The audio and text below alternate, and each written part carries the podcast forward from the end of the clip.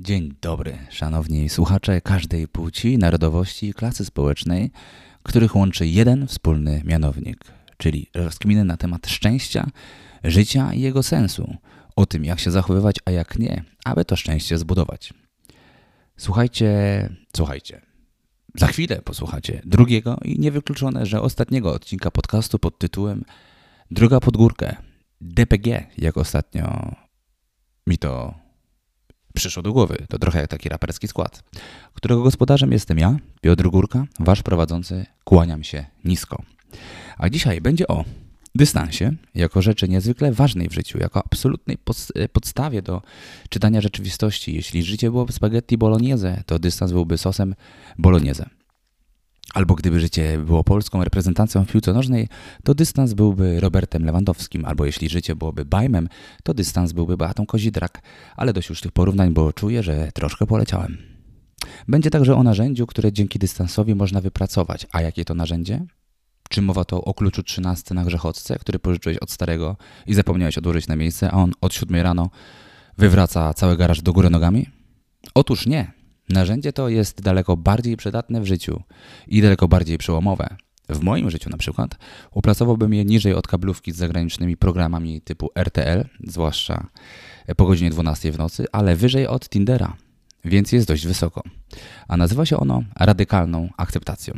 Czerpie trochę ze stoicyzmu, a trochę z piosenki polskiego piosenkarza, e, którego nazwiska teraz nie pamiętam, ale która leciała tak. Vie, na na na na na na na na na na Synawi Moja mama ma na imię Cela, więc y, połowę dzieciństwa śmiałem się z tego, że Cela wi. W sensie, że mama wie. A wiadomo, że mama wie najlepiej. W związku z czym żart ten dla mnie jest oklepany, ale być może kogoś was poruszy. A może kogoś, którego mama ma na imię także Cela. Więc szanowni państwo, zapnijcie pasy, yy, przygotujcie się na tę werbalną kolejkę górską w odsłonie drugiej, bo to drugi odcinek. Serdecznie zapraszam. Serwis, hello. Czy naprawdę tylko o to w życiu szło? Matki, żony i kochanki, wczoraj koleżanki do tej układanki nie pasują już. Spadły płatki. Szanowni Państwo, wiecie, Ostatnio doszedłem do takiego wniosku, że każdy mój wywód filozoficzny prędzej czy później trafia na zgrzyt. Że coś mi w nim nie pasowało, że coś wydawało mi się fałszywe, że coś mi wydawało, nieprawdziwe, że coś było w końcu w tym takiego, z czym na początku się zgadzałem, a później już nie. I to powodowało, że zawsze zaczynałem od nowa, szukając innego, bardziej trafnego. A teraz wiem, że ile bym nie główkował, to nie ma jednej niepodważalnej prawdy. Dlatego życie to taka piękna zagadka. Życie nie jest jednoznaczne. Francis Scott Fitzgerald powiedział, że oznaką inteligencji najwyższej klasy jest zdolność do uznawania dwóch przeciwnych idei jednocześnie. Tak więc ja, szanowna słuchaczko i szanowny słuchaczu, nie powiem Ci, jak masz żyć, bo sam nie wiem. Dlatego dziękuję Ci bardzo za uwagę. To był podcast Droga pod górkę. nie, nie bardzo, ale mógłbym tak skończyć. To też byłoby całkiem niezłe. E, ja nie powiem ci, jak masz żyć, bo sam nie wiem. Nie wiem, jak ja mam do końca żyć. I to nie dlatego, że nie mam na to życie pomysłu. Być może mam, ale jest też tak, że mam ich czasami zbyt wiele. Stąd nie wiedzieć, jak, e, jak żyć, to żaden wstyd. Jest to sztuka niebywale trudna. Milan Kundera, czeski piłkarz, chciałoby się powiedzieć, ale jest to czeski pisarz, e, autor mojej ulubionej książki pod tytułem Nieznośna lekkość bytu, powiedział, że i to właśnie w niej napisał, że człowiek przeżywa wszystko po raz pierwszy i bez przygotowania. To tak, jakby aktor grał przedstawienie bez żadnej próby. Cóż może być warte życie, jeśli pierwsza próba jest już życiem ostatecznym? Dlatego życie zawsze przypomina szkic. Ale nawet szkic nie jest właściwym określeniem, bo szkic jest zawsze zarysem czegoś, przygotowaniem do obrazu, gdy tymczasem szkic, jakim jest nasze życie, jest szkicem bez obrazu, szkicem do czegoś, czego nie będzie. Piękne, prawda? I gdy tak sobie myślę o życiu, jego sensie, a zdarza mi się to robić dość ochoczo, to łapię się na tym, że im większy dystans potrafię zbudować, tym lepiej jestem w stanie tę rzeczywistość zrozumieć. Perspektywa, drodzy Państwo. Perspektywa, dystans to klucz do wszystkiego. Tylko z dystansu jesteśmy w stanie ocenić właściwie. Ale uwaga, działa to też w drugą stronę. Bardzo bliska mojemu sercu buddyjska sentencja brzmi tak. Oceniając ludzi, oddalamy się od nich. Jeszcze raz. Oceniając ludzi, oddalamy się od nich. A więc nabieramy dystansu. Czyli prawdą jest, że aby coś ocenić, należy się od tego oddalić. A zwróćcie, e, proszę uwagę, z jaką łatwością przychodzi nam obgadywać innych, oceniać ich, wypowiadać się na ich temat. I wydaje nam się to takie niewinne. Przecież każdy tak robi. Od kiedy pamiętamy w naszych domach, opowiada się o sąsiadach, o, o znajomych z pracy, o tych i o owych. Tylko pamiętajcie jedną rzecz, że jeżeli rozmawiacie o kimś tam w kontekście oceniania go, to efektem nie będzie nic innego, jak właśnie to, że od tej osoby się oddalicie. Tak to po prostu jest. Więc pamiętajcie, ludzi nie oceniamy. Oceniamy inne rzeczy. A żeby to zrobić, to musimy mieć odpowiednią perspektywę, bo dzięki niej jesteśmy w stanie zrozumieć rzeczywistość, która nas otacza w kontekście możliwie najbardziej zbliżonym prawdzie.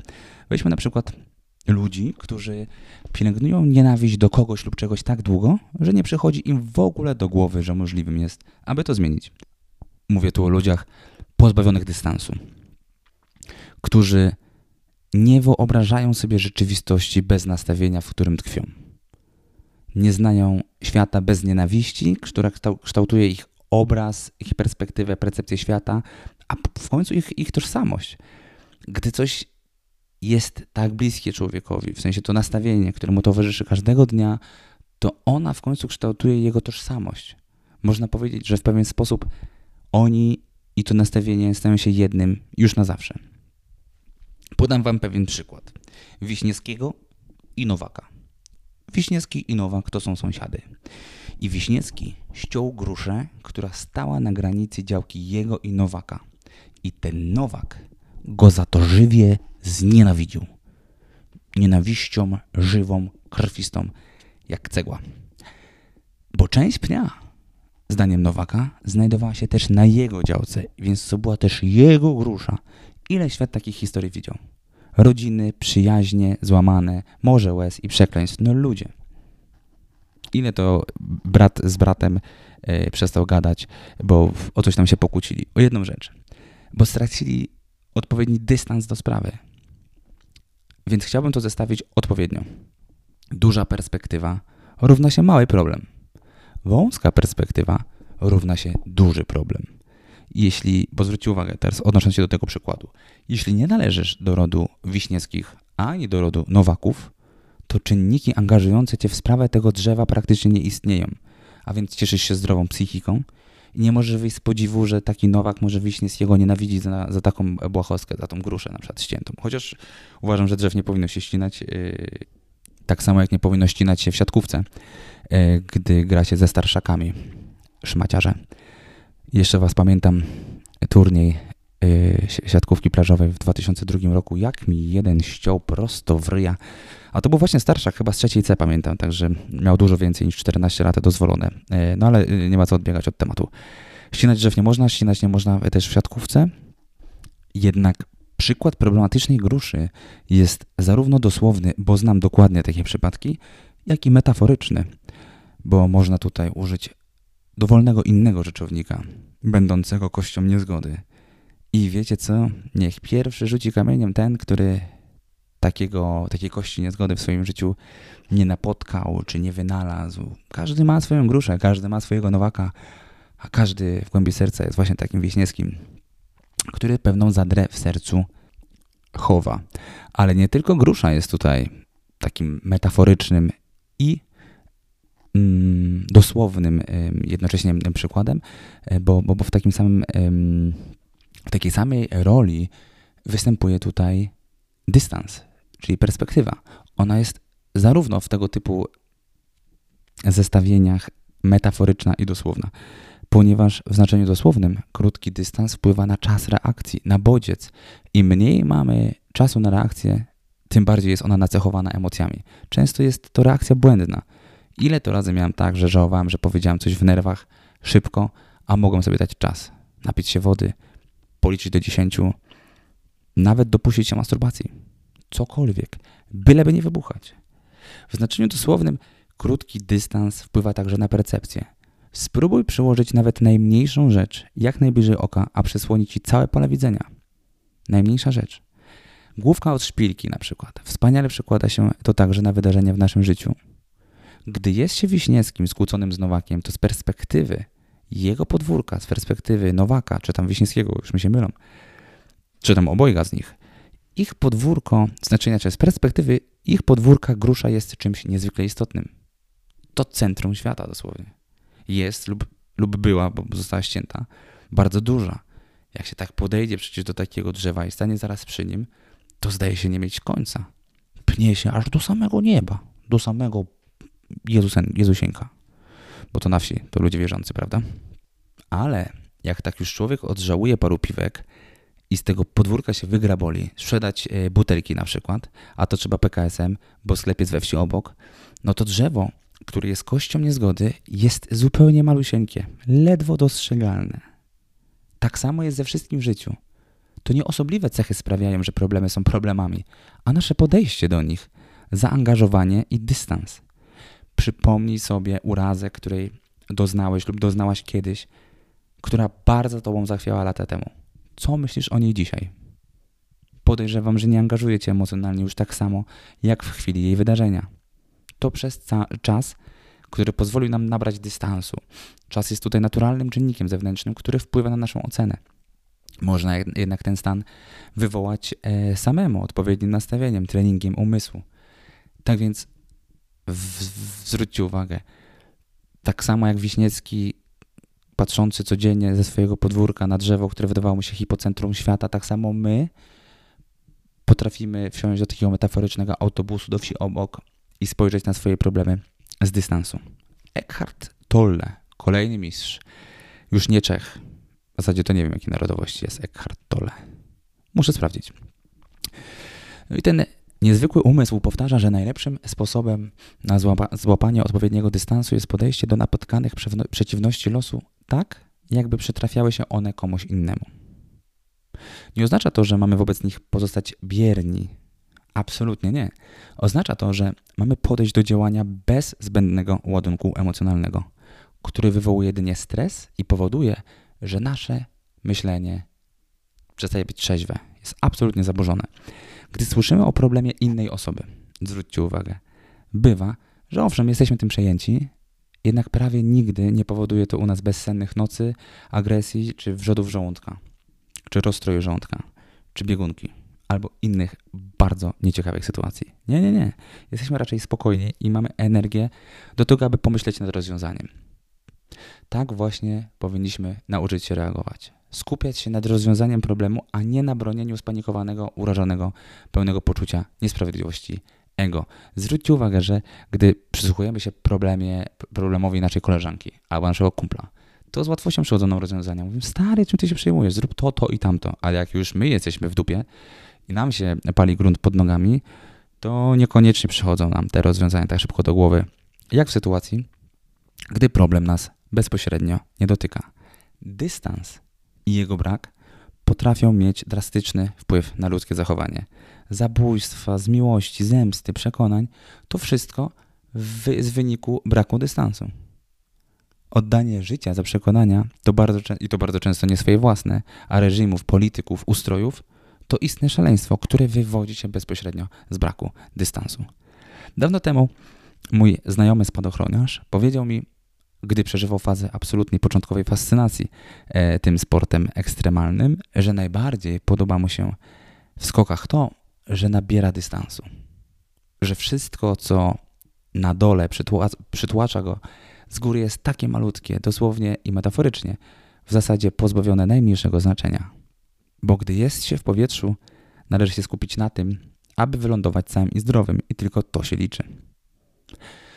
Największą pułapką życia, więc yy, moim zdaniem, to stracić lub w ogóle nie zbudować nigdy dystansu, który niezbędny jest do zbudowania szczęścia. Celowo użyłem słowa zbudowania, mimo tego, że pojawiło się raz za razem w jednym zdaniu, to trochę powtórzenie, brzydko, ale dużo bardziej pasuje tutaj, pasuje tutaj słowo zbudować, aniżeli znaleźć, bo szczęście to nie jest coś, co jeśli masz farta, po prostu wyłoni ci się na szlaku jak Pokémon na holosie w talii kart, które zresztą kupowałem notabene za pieniądze w podstawówce, które mama dawała nam na obiad z bratem w szkole, ale my woleliśmy sobie kupić e, Pokémony, a potem żarliśmy gruz do końca miesiąca. Tak więc jeszcze raz, szczęście to nie jest coś, co ci się po prostu jawi, nagle wyskakuje z krzaków, bo masz szczęście i znalazłeś szczęście. Nie, nie, nie.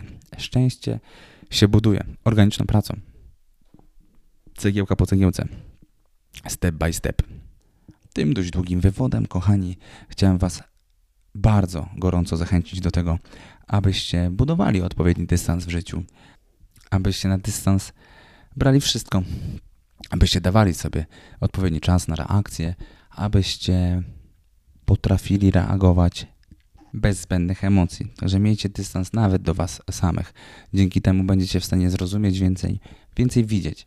Celem tego podcastu jest właśnie to, abyśmy małymi krokami zauważali więcej rzeczy, trafnie interpretowali rzeczywistość, by dzięki temu finalnie poczuć się odrobinę lepiej. Bo czy nie o to w tym wszystkim chodzi, żeby po prostu każdego dnia poczuć się odrobinę lepiej. Paul Olfola, biznesmen z USA, powiedział kiedyś mm, bardzo często pytany o to, jak udało mu się zbudować swoje imperium, mówił, że to proste. Po prostu każdego dnia przechodził do pracy i starał się zostawić to miejsce odrobinę lepszym. I tak sobie myślę, że cudownie byłoby, gdybyśmy i my dzięki temu podcastowi potrafili stać się odrobinę lepszymi. A aby stać się odrobinę lepszymi, należy dzięki odpowiedniemu dystansowi najpierw zauważyć pewne fakty, a później je zaakceptować, ponieważ zrobienie tego jest pierwszym krokiem do ich poprawy. Powtórzę to zdanie, bo bardzo mi się podoba.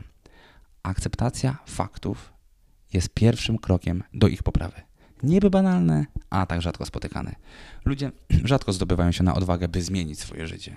Dzieje się tak dlatego, że większość z nich, choć w głębi serca, czuje, że nie prowadzi życia takiego, jakby e, chciał albo chciała, to zamiast się do tego przyznać i zacząć działać, to oni po prostu zniekształcają rzeczywistość, tworzą iluzję, która pomaga im niejako e, swój byt przetrawić. Bardzo dobrym przykładem jest e, na przykład toksyczny, bardzo dobrym przykładem jest na przykład, bardzo dobrym przykładem jest toksyczny związek. Kiszą się w nim, gotują, upadlają, widzą to inni, widzą to oni sami, jednak zamiast z relacji wyjść, to oni okłamują sami siebie, że się zmieni, że bije, bo kocha, że przestanie bić, że lepiej mieć takiego niż żadnego, a w zasadzie jak w mordę przewali, to wcale nie jest mocno, a jak nie da w mordę, to przynajmniej siniaków nie ma. A w ogóle to obiecał, że w przyszły weekend to zabierze mnie na gofry do Mielna, więc po co tutaj się yy, czepiać? W efekcie nie zmieniają swojego życia, bo nie akceptują faktów w nim występujących. I tutaj na ratunek przychodzi narzędzie, które jest nawet ważniejsze niż klucz trzynastka na grzechotce twojego starego, które nazywa się radykalna akceptacja. Nie wiem, jak się robi ten dźwięk. Pewnie wyszło e, nie za dobrze. Radykalna akceptacja to przełom w życiu. To jest podstawa bycia lepszym i szczęśliwym człowiekiem. Teraz mówię to naprawdę serio. A rzadko jestem w 100% serio, ale teraz jestem. Bo gdybym nie bym to, to bym powiedział, przyszła baba do lekarza. A powiedziałem, że radykalna akceptacja jest super istotna. Teraz podam Wam cytat z książki amerykańskiej pani psycholog, twórczyni dialektycznej terapii behawioralnej, rodzaju psychoterapii łączącej restrukturyzację poznawczą z akceptacją, uważnością i kształtowaniem. Radykalna akceptacja to płynąca z głębi, pełna i całkowita akceptacja rzeczywistej sytuacji. Polega ona na uznaniu faktów i porzuceniu walki z rzeczywistością. Akceptacja jest często błędnie rozumiana jako aprobata, nie jest nią, lub jako opowiedzenie się przeciwko zmianie. Umiejętność radykalnej akceptacji polega na tym, żeby uznać to, co przynosi życie, takim, jakie jest, bez złości, urazy, rozpaczy czy goryczy. Wymienione emocje, ale też wstyd czy poczucie winy mogą być rezultatem braku radykalnej akceptacji. Chodzi o to, by zaakceptować konkretne fakty, takie jakimi są, bez opierania się temu, czego zmienić nie możemy. Koncepcja ta jest częścią dialektycznej terapii behawioralnej opracowanej przez psycholog March Linehan. Opiera się ona na koncepcjach psychologii poznawczo-behawioralnej oraz orientalnych praktykach zen. Jednak to Tara Brach, psycholog specjalizujący się w medytacji i buddyzmie, tak naprawdę tę technikę spopularyzowała. aby dobrze ją zrozumieć, należy uzmysłowić sobie dwa fakty. Pierwszy jest taki, że nic poza chwilą teraźniejszą nie istnieje, a drugi jest taki, że życie ma wiele smaków. Co najmniej tyle, ile sosów do hot doga na Orlenku. Tyle, że na jednym wdechu nie wymienisz. I to życie ze swoimi smakami właśnie na tym polega, że daje nam radości, daje nam smutki, wzruszenia, gniew, wszystkiego po trochu. Życie jest takim orlenkiem, na którym możesz w cudowny sposób wziąć gryza z każdego hot doga. I to za darmo. I mówię o tym nie bez powodu, bo mam wrażenie, że gdyby przyrównać życie do Orlenka i do tych e, hot dogów, to w jakiś dziwny sposób ludzie myślą sobie, że tylko y, hot dog y, z sosem czosnkowym jest właściwy. Że jeżeli będę dostawał y, z, z sosem tysiąca wysp, to do dupy. Że jak będę miał jakikolwiek inny smak, na przykład amerykański, do dupy, meksykański, do dupy. Z kolei to bardzo rasistowskie, żeby tak nazywać nazwami nacji sosy. Nie ma na przykład sosu murzyńskiego, ale nie ma też takiej nacji, może dlatego. Swoją drogą, mój kolega kiedyś usmysłowił mi, że wyraz murzyn jest pejoratywny, bo pochodzi od czasownika murzyć, czyli brudzić. No mniejsza o to. Chodzi y, mi w tym wywodzie trochę dziwnym porównaniu do Orlenka i do sosów, że ludzie błędnie wyszli z założenia, że tylko poczucie ekscytacji jest właściwym, że tylko poczucie radości jest właściwym, że za każdym razem, jak oni z tej e, górki mm, emocjonalnej schodzą, są bardzo, bardzo rozczarowani. Są rozczarowani, gdy nie są radośni, bo twierdzą, że wtedy nie są szczęśliwi. Natomiast życie to dużo więcej niż kolejny hype, bo po każdej górce przychodzi dołek, nie ma co do tego żadnej wątpliwości, a ludzie mimo wszystko są bardzo, bardzo zdziwieni. I mówią, jak to? Czemu znowu przychodzą do dupy dni i z wytęsknieniem znowu oczekują, że los się odwróci. W ten sposób wskazują się ciągle na jego łaskę, to po pierwsze, a po drugie ciągle na takie poczucie rozczarowania. Więc należy pamiętać, że te smaki życia, choć prawdziwe, stają się naszymi doświadczeniami. I one nie są ani dobre, ani złe. One po prostu są. To tylko i wyłącznie nasza interpretacja je takimi czyni złymi lub dobrymi. W zasadzie nasza reakcja na nie. Dlatego zamiast pozwalać sobie nieświadomie reagować, lepiej świadomie odpowiadać.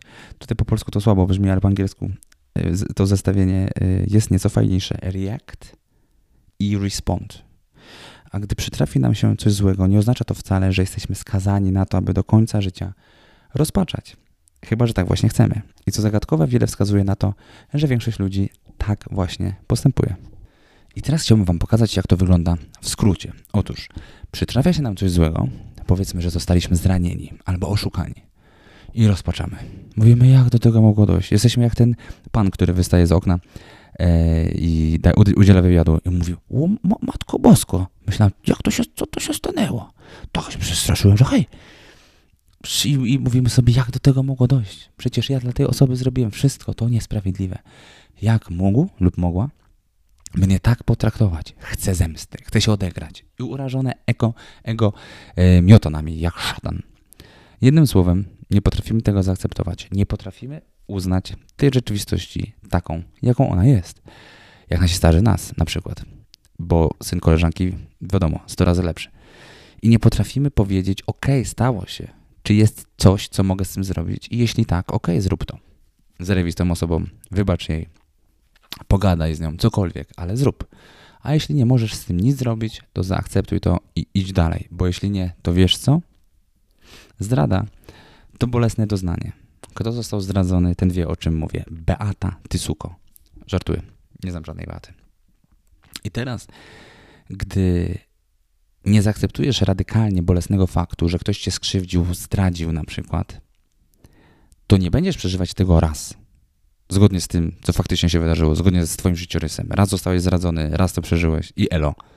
Tylko będziesz to przeżywał w swojej głowie kilka, kilkadziesiąt razy, kilka tysięcy razy, jak tam chcesz. Będziesz to przeżywać bez końca w swojej bani, będziesz to przerabiać, będziesz sobie wyobrażać sobie, jakby to było, gdyby coś się nie wydarzyło, albo gorzej, będziesz sobie wyobrażać, jak na przykład wyglądało, będziesz sobie to wizualizować, zadawać sobie ból, cierpienie. Nie daj Boże, jeszcze będziesz potem wymagał jakiejś odpowiedzi, będziesz wżądał od tej osoby, która cię na przykład zdradziła, żeby ci powiedziała, dlaczego to zrobiłeś, ja tego, to jak, jak mogłaś tego, ja cię tak kochałem. No i jakiej odpowiedzi ty się spodziewasz? Ty, no zdradziłam cię, bo co? Nie ma na to dobrej odpowiedzi, więc przestań yy, jej oczekiwać, przestań tego wymagać. Zaakceptuj to po prostu, bo ból plus brak akceptacji to cierpienie. W bólu nie ma niczego złego. To jest po prostu naturalna reakcja. Pozwól sobie na ból, pozwól sobie na żałobę. Ale ból plus. Ból, ból się zająkałem, tak boli. Ból plus brak akceptacji to już jest cierpienie, a cierpienie nic fajnego. Tak więc, jeżeli nie zaakceptujesz rzeczywistości, która cię zastała, to każdego dnia będziesz bezwiednie uciekać myślami i zadawać sobie ten ból na nowo, na własne życzenie. Ale ja tak kochałem, nie mogę się z tym pogodzić. Okej, okay, Romeo, kumam. Tylko czy ty tym twoim mazaniem sprawisz, że zdrada zniknie?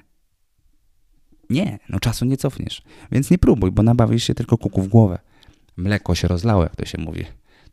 Tu akurat można by rzec, że mleko wytrysnęło. I to na twoją dziewczynę.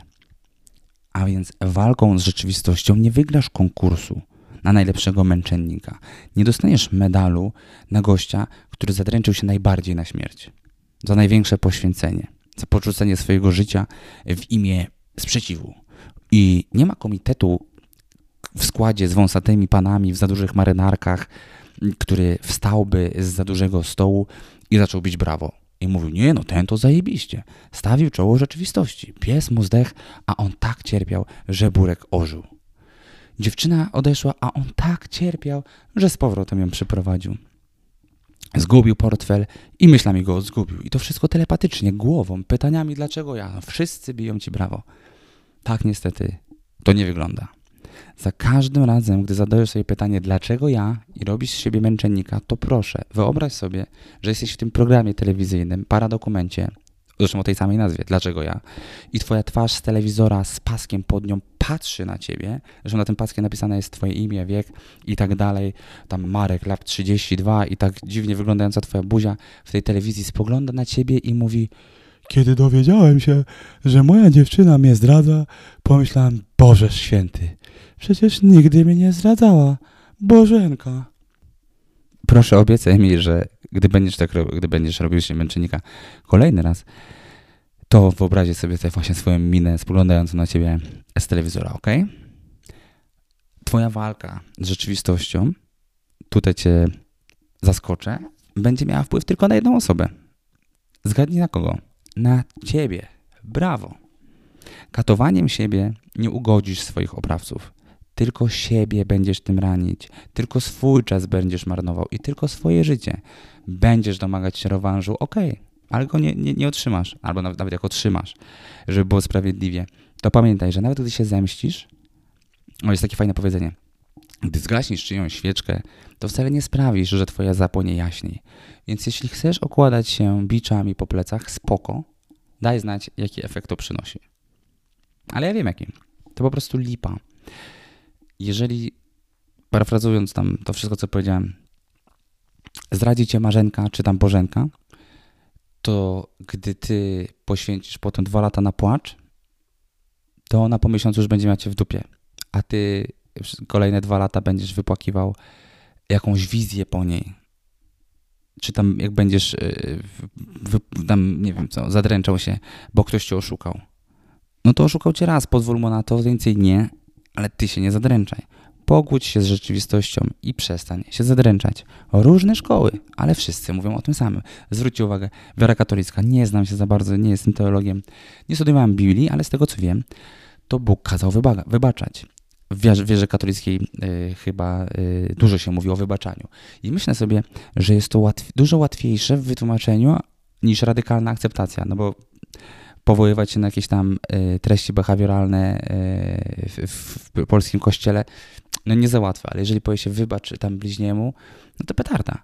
A tak naprawdę, robiąc to, czynisz dobrze samemu sobie. Brian Tracy, którego bardzo lubię, mówi, że ludzie kochają swoje negatywne emocje i żeby je od nich oderwać, potrzebny jest niemal traktor. Okazuje się, żebyś miał w sobie jedną tylko negatywną emocję, z którą nie chcesz się pożegnać, i samo to może cię blokować przez całe życie. Więc jeśli chcesz być wspaniałym człowiekiem, to po pierwsze pozbądź się negatywnych emocji. Mówimy, jestem odpowiedzialny. Po tym, jak reagujesz w różnych sytuacjach, widać na jakim etapie rozwoju jesteś jako człowiek. Jeśli umiesz skutecznie zareagować na problem, kryzys, zdenerwowanie, któremu być może nie jesteś winien, jeśli umiesz zareagować pozytywnie, to zaszedłeś już bardzo daleko, że jesteś jedną z najwyżej rozwiniętych ludzkich istot. Bo przeciętny człowiek w obliczu trudności denerwuje się, wybucha, wali pięściami, pije na umór, ale wybitne jednostki nie. Tacy ludzie mówią spokojnie: spójrzmy na to, co się stało. I co możemy teraz zrobić? Kiedy w obliczu zdenerwowania mówisz sobie: Jestem odpowiedzialny, to neutralizujesz negatywne emocje i gdy będziesz to powtarzać raz za razem, stanie się to Twoją mantrą. Co się dzieje?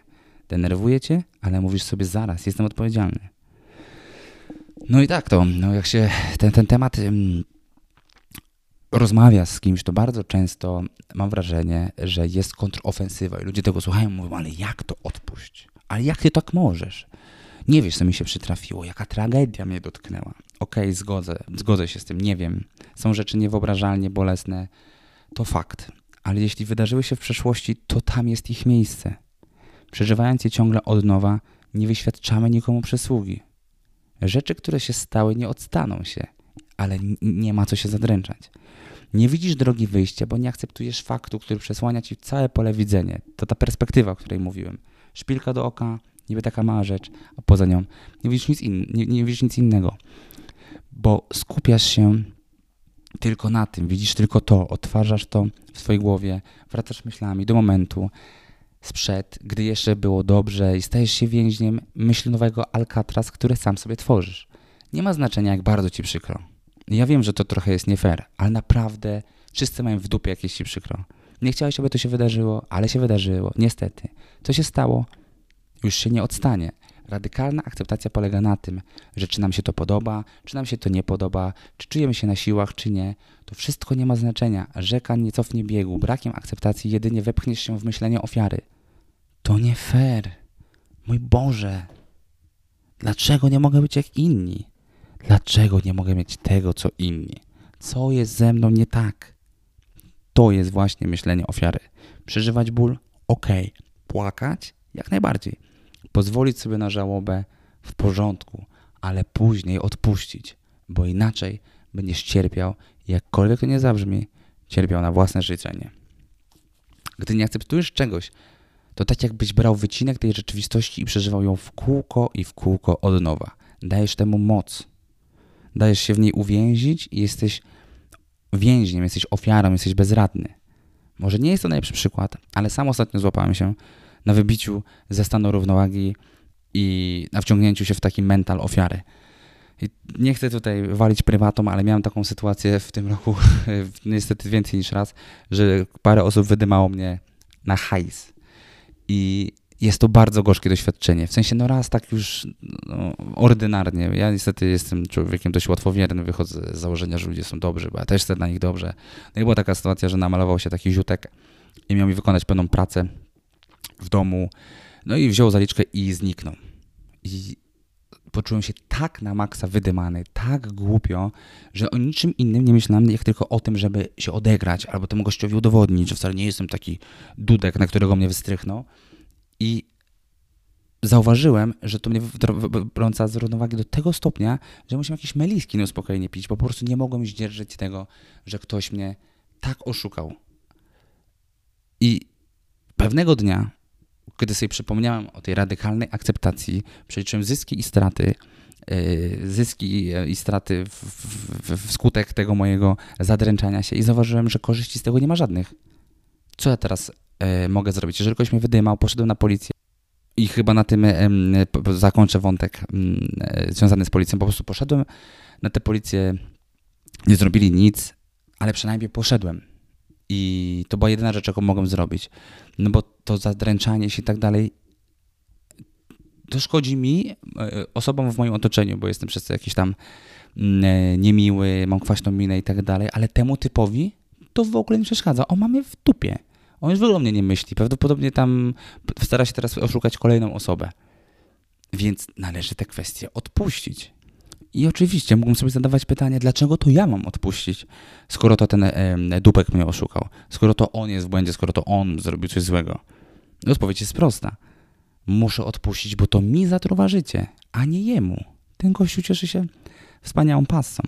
Tak więc akceptacja to nie jest aprobata. Tylko dlatego, że pogodziłeś się z rzeczywistością, zaakceptowałeś, że coś się wydarzyło, nie oznacza, że przypisujesz temu wartość, że się z tym zgadzasz, że dajesz temu aprobatę. Al-Kaida istnieje, obcina ludziom głowy i zdajemy sobie, a potem rzuca to na internet i zdajemy sobie z tego sprawę. Nie oznacza to jednak przecież, że chcemy rozjeżdżać ludzi po chodnikach i krzyczeć Allah Akbar. Chociaż jak tak krzyknąłem, od razu jakąś poczułem dziwną niechęć do zachodu. Tak więc akceptacja to nie aprobata. Jest zupełnie na odwrót. Uznanie faktu jest pierwszym krokiem do jego zmiany. Dzięki temu można rozwiązać problem bez zbędnych emocji, które zasłaniają pole widzenia. Tak więc radykalna akceptacja to narzędzie przełomowe i wyjątkowo przydatne, ponieważ jest remedium na myślenie ofiary. A myślenie ofiary to proces polegający na tym, aby wymyślić, ile dać na tacę księdzu w niedzielnej ofierze, gdzie całą rodziną zbieracie się w kółku i patrząc sobie głęboko w oczy kombinujecie, ej, dwa złote czy pięć złotych. Żart. Kolejny, słaby. Myślenie ofiary to królowa bierności i wszystkich przeszkód, jakie widzisz na drodze do swojego celu, bo z niej te przeszkody są generowane. Masa osób, nawet bardzo świadomych, nie zdaje sobie sprawy, że w tej mentalności utknęła w różnych obszarach swojego życia. Jeżeli myślisz o rozwoju, o spełnianiu swoich marzeń, dążeniu do do realizowania swoich wizji i celów, a w głowie pojawiają ci się myśli typu to nie dla mnie, nie mogę mm, przez to, że nie mam wsparcia, to za trudne, inni mogą, ale nie ja. Ja nie potrafię, pewnie się nie nauczę i bla bla bla. Dopóki wierzysz, że nie masz wpływu na te rzeczy i możesz tylko biernie czekać na rozwój wypadków, to jesteś ofiarą. Utknąłeś. Ta mentalność jest zabójcą każdego marzenia, każdej inicjatywy i działania i każdego kroku naprzód, a tym samym zabójcą rozwoju i rezultatów. Opiera się tylko i wyłącznie na myśleniu, przekonaniu o własnej niemocy, która nie ma nic wspólnego z prawdą, jest wynikiem mniej lub bardziej świadomego przyjęcia na siebie roli ofiary. Czyli wyboru. I myślę, że w kontekście samoograniczających haseł myślenie ofiary jest czymś oczywistym, natomiast według mnie jest to dużo szersze, szersze zjawisko. No bo tak, słuchając tego możesz sobie myśleć, nie, no ja z tym nie mam problemu. Ja tam nie robię siebie ofiary, bo ja na przykład nie narzekam. Ale mam teraz prośbę, takie zadanie domowe, House of Gabe, abyście obserwowali teraz swoją głowę i wyłapywali każdy moment, który wywołuje u was niezgodę i złość. To może być dosłownie wszystko. Może być tak, że pada deszcz, a wy mieliście wywieszone pra- pranie. I mówicie, dlaczego akurat gdy robię pranie, zawsze musi padać? Przecież gdy wywieszałem, nie było żadnej chmurki. Spóźniliście się do pracy przez korki, niezgoda, złość. Dlaczego zawsze trafiam na niedzielnych kierowców? Przecież już nie pamiętam, ile razy sobie zadałem to pytanie.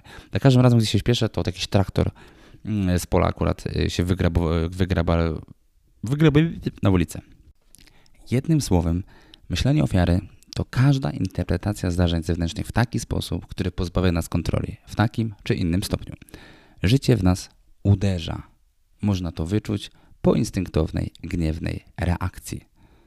A gdy pojawia się wrażenie utraty kontroli nad życiem, to ludzie są jak liście na wietrze, albo bardziej jak krzaki takie z westernów, zawiewane przez wiatr od lewa do prawa, sfrustrowani, zgorzkniali i pełni pretensji.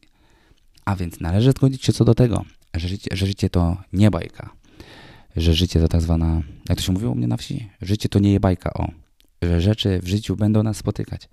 Czasami będzie ciężko, będziesz czuł się źle, będziesz zraniony, oszukany, zostawiony wilkom na pożarcie.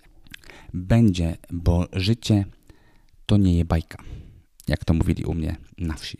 I każdą próbą oporu przed uznaniem rzeczywistości w postaci wcześniej wspomnianych pytających jeźdźców apokalipsy typu dlaczego ja, dlaczego mnie to spotyka, nie rozumiem, dlaczego życie tak e, mnie traktuje potwornie, a inni żyją jak w bajce, etc., jest błędem, co pozbawia nas możliwości bycia obecnym, które jest absolutnie fundamentalne. Życie jest jakie jest, co dla wielu może być oburzające, bo przecież sugeruje pogodzenie się z losem w znaczeniu pozbawiającym nas wzrostu czy poprawienia sytuacji Nic bardziej mylnego. Jest jak jest. Tak. Rzeczy, których doświadczasz, są prawdziwe, są bolesne, są radosne, są wspaniałe, są rozwijające lub dołujące, są najróżniejsze, ale na koniec dnia one nie są ani dobre, ani złe. One po prostu są. I to jest umiejętność, którą trzeba wyćwiczyć. Czym nie jest aktywna e, akceptacja, e, moi drodzy. Wiele osób słysząc słowo akceptacja niemal odruchowo myśli aprobata, czyli wyrażenie zgody. Nie ma w tym nic zaskakującego, ponieważ słownik języka polskiego taki właśnie termin nam proponuje. Otóż według słownika języka polskiego słowo może oznaczać to aprobatę, formalną zgodę na coś i pogodzenie się z czymś. Stąd też bierze się niechęć wobec praktykowania akceptacji w stosunku do wydarzeń, które są dla nas trudne, niezgodne z naszymi wartościami czy obiektywnie szkodliwe. Aktywna, czyli radykalna akceptacja nie jest jednak zrównoznaczna z wyrażeniem aprobaty. Chodzi jedynie i aż o uznanie, że pewne fakty miały miejsce. Podejrzewam, że ludzie mają o tyle problem z radykalną akceptacją, że poprzez galimatia związane z definicją na czutkę wyobrażają sobie, że jeśli coś zaakceptują, jeśli zaakceptują to przykre wydarzenie, to zdradzą sami siebie. Dadzą temu czemuś moc i sprawią, że będzie jeszcze większe, a oni w jego obliczu ugną się niczym cienkie drzewo. Tymczasem jest zupełnie odwrotnie. Akceptując coś, odbierasz mu siłę, która często ma zniewalający wpływ. Wcześniej powiedzieliśmy sobie o bardzo kiczowatym, e, a ja kocham kicz, mm, przykładzie z życia, czyli tam złamane serce, zdrada i tak dalej. Ale przykład utraconej miłości jest mało drastyczny, bo przywykliśmy do niego z hollywoodzkich filmów, książek i tak dalej. Gorzej, gdy problem akceptacji dotyka jakiejś dysfunkcji, subiektywnego braku w nas samych. Wówczas mamy do czynienia z prawdziwymi tragediami, depresją i schorzeniami psychicznymi. Jednak temat samoakceptacji jest niezwykle obszerny i delikatny i zostawmy go sobie na inny raz. Chciałbym jedynie przytoczyć prosty przykład, w którym ktoś nie akceptuje swojego ciała lub tego, co się z nim stało wskutek choroby lub starości. I tutaj, żebyśmy się dobrze zrozumieli. Nie chodzi mi o to, że coś tam mu się w sobie nie podoba, bo każdy tam na świecie ma coś takiego. Chodzi o głębokie zaprzeczenie cielesności, w jakiej przyszło nam żyć. A że ciało to jedyna widoczna forma naszego jestestwa, to trochę implikuje to zaprzeczenie własnemu istnieniu. Jakbyśmy kwestionowali samych siebie, a to już jest potężna postawa autodestrukcyjna. Jeśli nie akceptujemy elementu swojego wyglądu, to element ten zdominuje wszystkie pozostałe. Przykład. Jeśli ktoś nie akceptuje swojego nosa, dajmy na to, będzie to jedyna rzecz, jaką będzie widzieć na swojej twarzy patrząc w lustro. Będzie się mu przyglądać godzinami, robiąc różne pozy, w których jego zdaniem nos ten będzie wyglądał na lepszy, mniejszy lub większy, będzie wyobrażał sobie, że jest inny. W dodatku będzie to jedyna rzecz, na którą będzie zwracać uwagę u innych. Będzie porównywać ich, ich nosy do własnego, co w następstwie doprowadzi do nieuzasadnienia dużej uwagi przykładanej do wyglądu. Nie jesteśmy przecież swoim wyglądem, a czymś zdecydowanie więcej. Jesteśmy istotami ludzkimi, mamy duszę, a przez głupi nos to wszystko może zostać przyćmione dla tej osoby. Finalnie człowiek taki daje nad sobą przejąć kontrolę i nie będzie akceptować całego siebie, dopóty nos w efekcie jakiejś operacji coś tam nie będzie mniejszy lub większy, lub prostszy lub krzywszy, cokolwiek. Aktywna akceptacja, nazywana też radykalną akceptacją, czy też akceptacją psychologiczną, polega na dobrowolnym przyjęciu postawy, która w stosunku do doświadczenia chwili obecnej jest celowo otwarta, chłonna, elastyczna i pozbawiona osądzania. Co to oznacza? Akceptacja jest dobrowolna, czyli zależy od naszej woli. Sami aktywnie decydujemy o tym, że chcemy coś zaakceptować. Musimy więc o tym pomyśleć i stwierdzić, że to jest właśnie ten moment, kiedy przyjmujemy tę określoną postawę. Innymi słowy, jest to świadomy wybór, polegający na zaprzestaniu walki z rzeczywistością, wynikającą z tego, że nie jest ona taka, jak byśmy chcieli. Aktywna akceptacja polega również na otwarciu się na to, co oferuje nam życie pod, pod taką postacią, w jakiej nam to daje. To bycie tu i teraz oraz przyjmowanie wszystkiego, co nam się przytrafia, bez osądzania i wartościowania. Akceptacja jest więc nie tylko wynikiem określonego procesu, a procesem samym w sobie. Nie jest też dana raz na zawsze. wymaga tego, byśmy wzbudzali ją w sobie raz za razem, nieustanną pracą. Okej, okay, dobra, pogadaliśmy sobie o tym, czym ta radykalna akceptacja jest i myślę, że jest to dosyć jasne, a teraz dam Wam takie tipy, jak ją zastosować u siebie w życiu. Przede wszystkim ważne, by nie pracować nad akceptacją zniekształconych faktów. Czyli jestem beznadziejny, zawsze byłam nieudaczniczką, bo to nie są fakty, tylko nasze interpretacje. Wszystko ma swoją przyczynę, w tym zdarzenia, które powodują ból emocjonalny czy fizyczny. Nie zawsze znamy te przyczyny, choć ich poznanie, o ile to możliwe, może pomóc w rozwijaniu postawy radykalnej akceptacji. To nie powinno się zdarzyć. Dlaczego ja, o czym wcześniej gadaliśmy? Zawsze mam pecha. Jeżeli powtarzasz sobie takie rzeczy jak mantrę, to pogłębiasz swoje cierpienie. Jakiś ciąg wydarzeń, faktów doprowadził do tego, z czym zmagasz się tu i teraz. Sama akceptacja tego, co się stało, jest wyjątkowo trudna. Natomiast tylko wybitne jednostki są w stanie zaakceptować, że to, co się wydarzyło, jest efektem Twojego działania lub jego braku, podjętej kiedyś decyzji lub zwłoki w jej podjęciu. Gdy zdobędzie się na taką akceptację, zniknie frustracja spowodowania wrażeniem braku kontroli nad życiem. Warto doszukać się własnego sprawstwa w nieszczęściach, które nas spotykają. Jestem otyły na przykład, bo nie prowadzę zdrowego trybu życia i zjeżdżam do McDonalda co sobotę. Mam koszmarne małżeństwo, bo takim je stworzyłem. Oszukał mnie taksówkarz, bo nie sprawdziłem, do kogo wsiadam. Wszystko powinno być tak, jak jest, biorąc pod uwagę przyczyny. Zaprzeczanie faktom, idące za nim ignorowanie problemów, to główna przyczyna chorób psychicznych. Gdy uda Ci się osiągnąć świadomość własnego sprawstwa, będziesz wśród najwybitniejszych ludzi o dużej świadomości i odzyskasz wrażenie panowania nad własnym życiem. Nawet jeśli doświadczamy bólu, życie może być warte przeżycia. Ból w życiu każdego człowieka jest nieunikniony. Po co to akceptować? Akceptacja, co prawda, może prowadzić do smutku, ale zazwyczaj po nim jest głęboki spokój. Jej brak zwiększa częstotliwość i siłę doświadczenia trudnych emocji, takich jak złość, poczucie nieszczęścia, rozgoryczenie, smutek czy wstyd. Marsha Linehan powiedziała kiedyś, że cierpienie to dodatkowe bolesne emocje, które pojawiają się, kiedy odmawiamy przyjęcia i zaakceptowania bólu. Cierpienie utrudnia funkcjonowanie. Nierzadko prowadzi też do stosowania nieadaptacyjnych, szkodliwych zachowań, które służą poprawie swojego nastroju. Niektórzy uciekają w dragi, alkohol, inni robią zakupy, a jeszcze inni śpią czy jedzą. Wszystkie te sposoby mają to do siebie, że działają, ale tylko na krótką metę. Cierpienie prędzej czy później wraca, często ze zdwojoną siłą. Przykład. Ulegasz chorobie, w wyniku której zmienił się Twój wygląd i nie akceptujesz go, w wyniku czego cierpisz. Cierpisz jeszcze bardziej, ponieważ przez swój wygląd unikasz ludzi, nie masz życia, choroba pozbawia cię urody, a ty idąc za ciosem postanowiłeś odebrać sobie wszystko, co pozostało. Zemsta na sobie zadana, cytując rapera z Radomia Kękę. I na koniec, szanowni słuchacze, chciałbym przytoczyć wam pewną opowieść, którą w liście nadesłała mi nasza słuchaczka Kasia. Oczywiście nie jest to prawdą. Wymyśliłem to na poczekaniu bo nie mamy jeszcze żadnych słuchaczy i nikt mi niczego nie wysłał. Nie wysłał. Tę historię znalazłem w internecie. O Kasi, posłuchajcie. Kasia jest z Adamem od pięciu lat. I zawsze marzyła o tym, żeby wziąć ślub, wyprawić huczne wesele i mieć dwójkę dzieci o imieniu Kasia i Kasia. Nie, to też wymyśliłem, ale wydawało mi się śmieszne, więc wtrąciłem.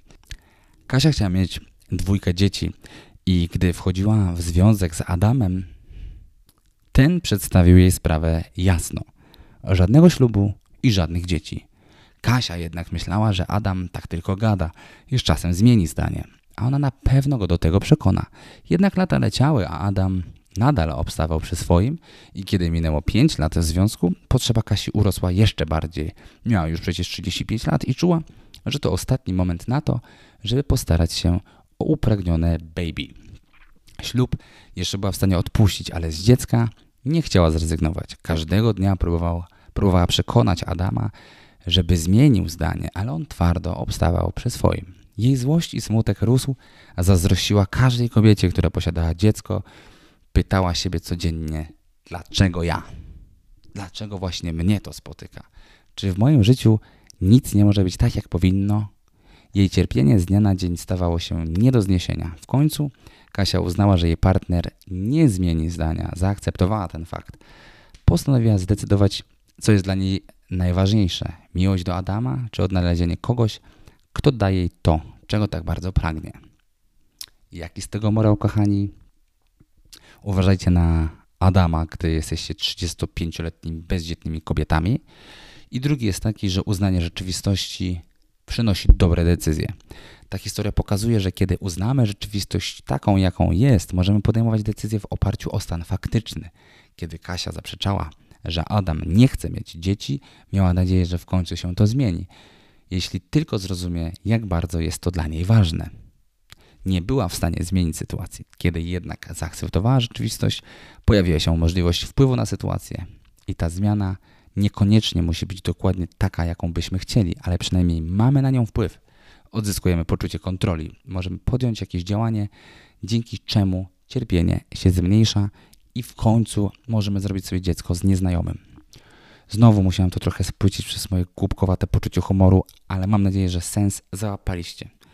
I teraz możecie zastosować kilka podstawowych zasad radykalnej akceptacji, które pomogą mm, Wam lepiej ukierunkować swój ból. Po pierwsze, kurde, nie lubię takich coachingowych tematów, no ale co zrobić? Taka rola prowadzącego. Po pierwsze, znajdź spokojne miejsce, w którym możesz usiąść przez kilka minut w wygodnej pozycji. Po drugie, skoncentruj się na oddychaniu. Po trzecie, skoncentruj się na wszelkich myślach, które pojawiają się w związku z sytuacją, które sprawiają, że czujesz się nieswojo. Po kolejne, nie trzymaj się tych myśli. Spójrz na nie, jakby były przelatującymi chmurami. Te myśli nie są tym, kim jesteś, nawet jeśli się z nimi identyfikujesz. Przeanalizuj, jakie emocje w tobie generują. Obejmij te emocje i pozwól się im manifestować. Mają funkcję kierowania frustracją i bólem. Powtórz mantrę, aby lepiej zaakceptować sytuację. I ostatnie, ból najprawdopodobniej nie zniknie natychmiast. Możesz jednak powtarzać sobie tę mantrę tak często, jak potrzebujesz, gdy tylko pojawią się niewygodne myśli i emocje. Na koniec, kochani, już tak absolutnie mm, żegnając się, e, skradając z waszych ust całuska niczym wybranek odprowadzający was na pociąg PKP, chciałbym nawiązać do tego porównania, y, które się aż samo ciśnie na usta do stoickiej szkoły, prawda? E, do tej filozofii, e, która której głównym przesłaniem było to, żeby pogodzić się e, z rzeczywistością, z rzeczywistością taką, jaką ona jest. I tutaj filozof Leszek Kołakowski w swojej humorystycznej wielkiej encyklopedii filozofii i nauk politycznych, w której jednym zdaniem wyjaśnia wybrane najważniejsze zagadnienia tych dyscyplin, tak podsumowuje stoicyzm. Dobrze jest, jak jest. To trafne spostrzeżenie podkreśla fakt, że akceptacja jest jednym z podstawowych założeń przyjętych przez filozofów stoicyzmu. Stoicka akceptacja opiera się na podziale rzeczy na zależne i niezależne od nas. Antyczni filozofowie podchodzą do tej umiejętności dość podobnie jak współcześni psycholodzy. Dla nich również akceptacja nie oznacza rezygnacji czy poddania się. Wiąże się za to z poczuciem wolności i pozwala skupić na tym, na co realnie mamy wpływ. Stoicy zachęcają zatem, by zaakceptować to, czego nie możemy zmienić. Takie, takie podejście pomaga ze spokojem i wyrozumiałością radzić sobie z różnymi, często nieoczekiwanymi bądź niechcianymi wydarzeniami. Pozostawia nam także pole do działania w obszarach, które od nas zależą.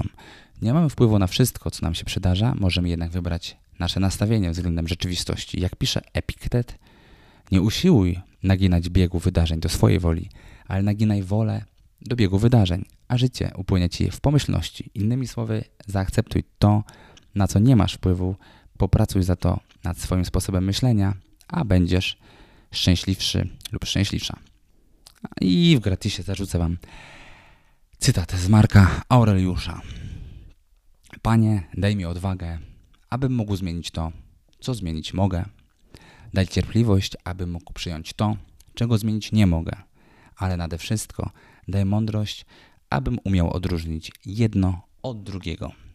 To była droga pod górkę drugi i prawdopodobnie ostatni odcinek. Dziękuję Wam za uwagę i życzę siły, abyście mogli pobawić się nieco z narzędziem, którym jest radykalna akceptacja. Buziaki. Żegnaj, bye, bye. Dawno już wypłowiał z serca tamten ma. On był kot, a ty pies. Potem wanna łez wstał znowu przytapczanie rośnie bez. I nieważne jesteś z nim.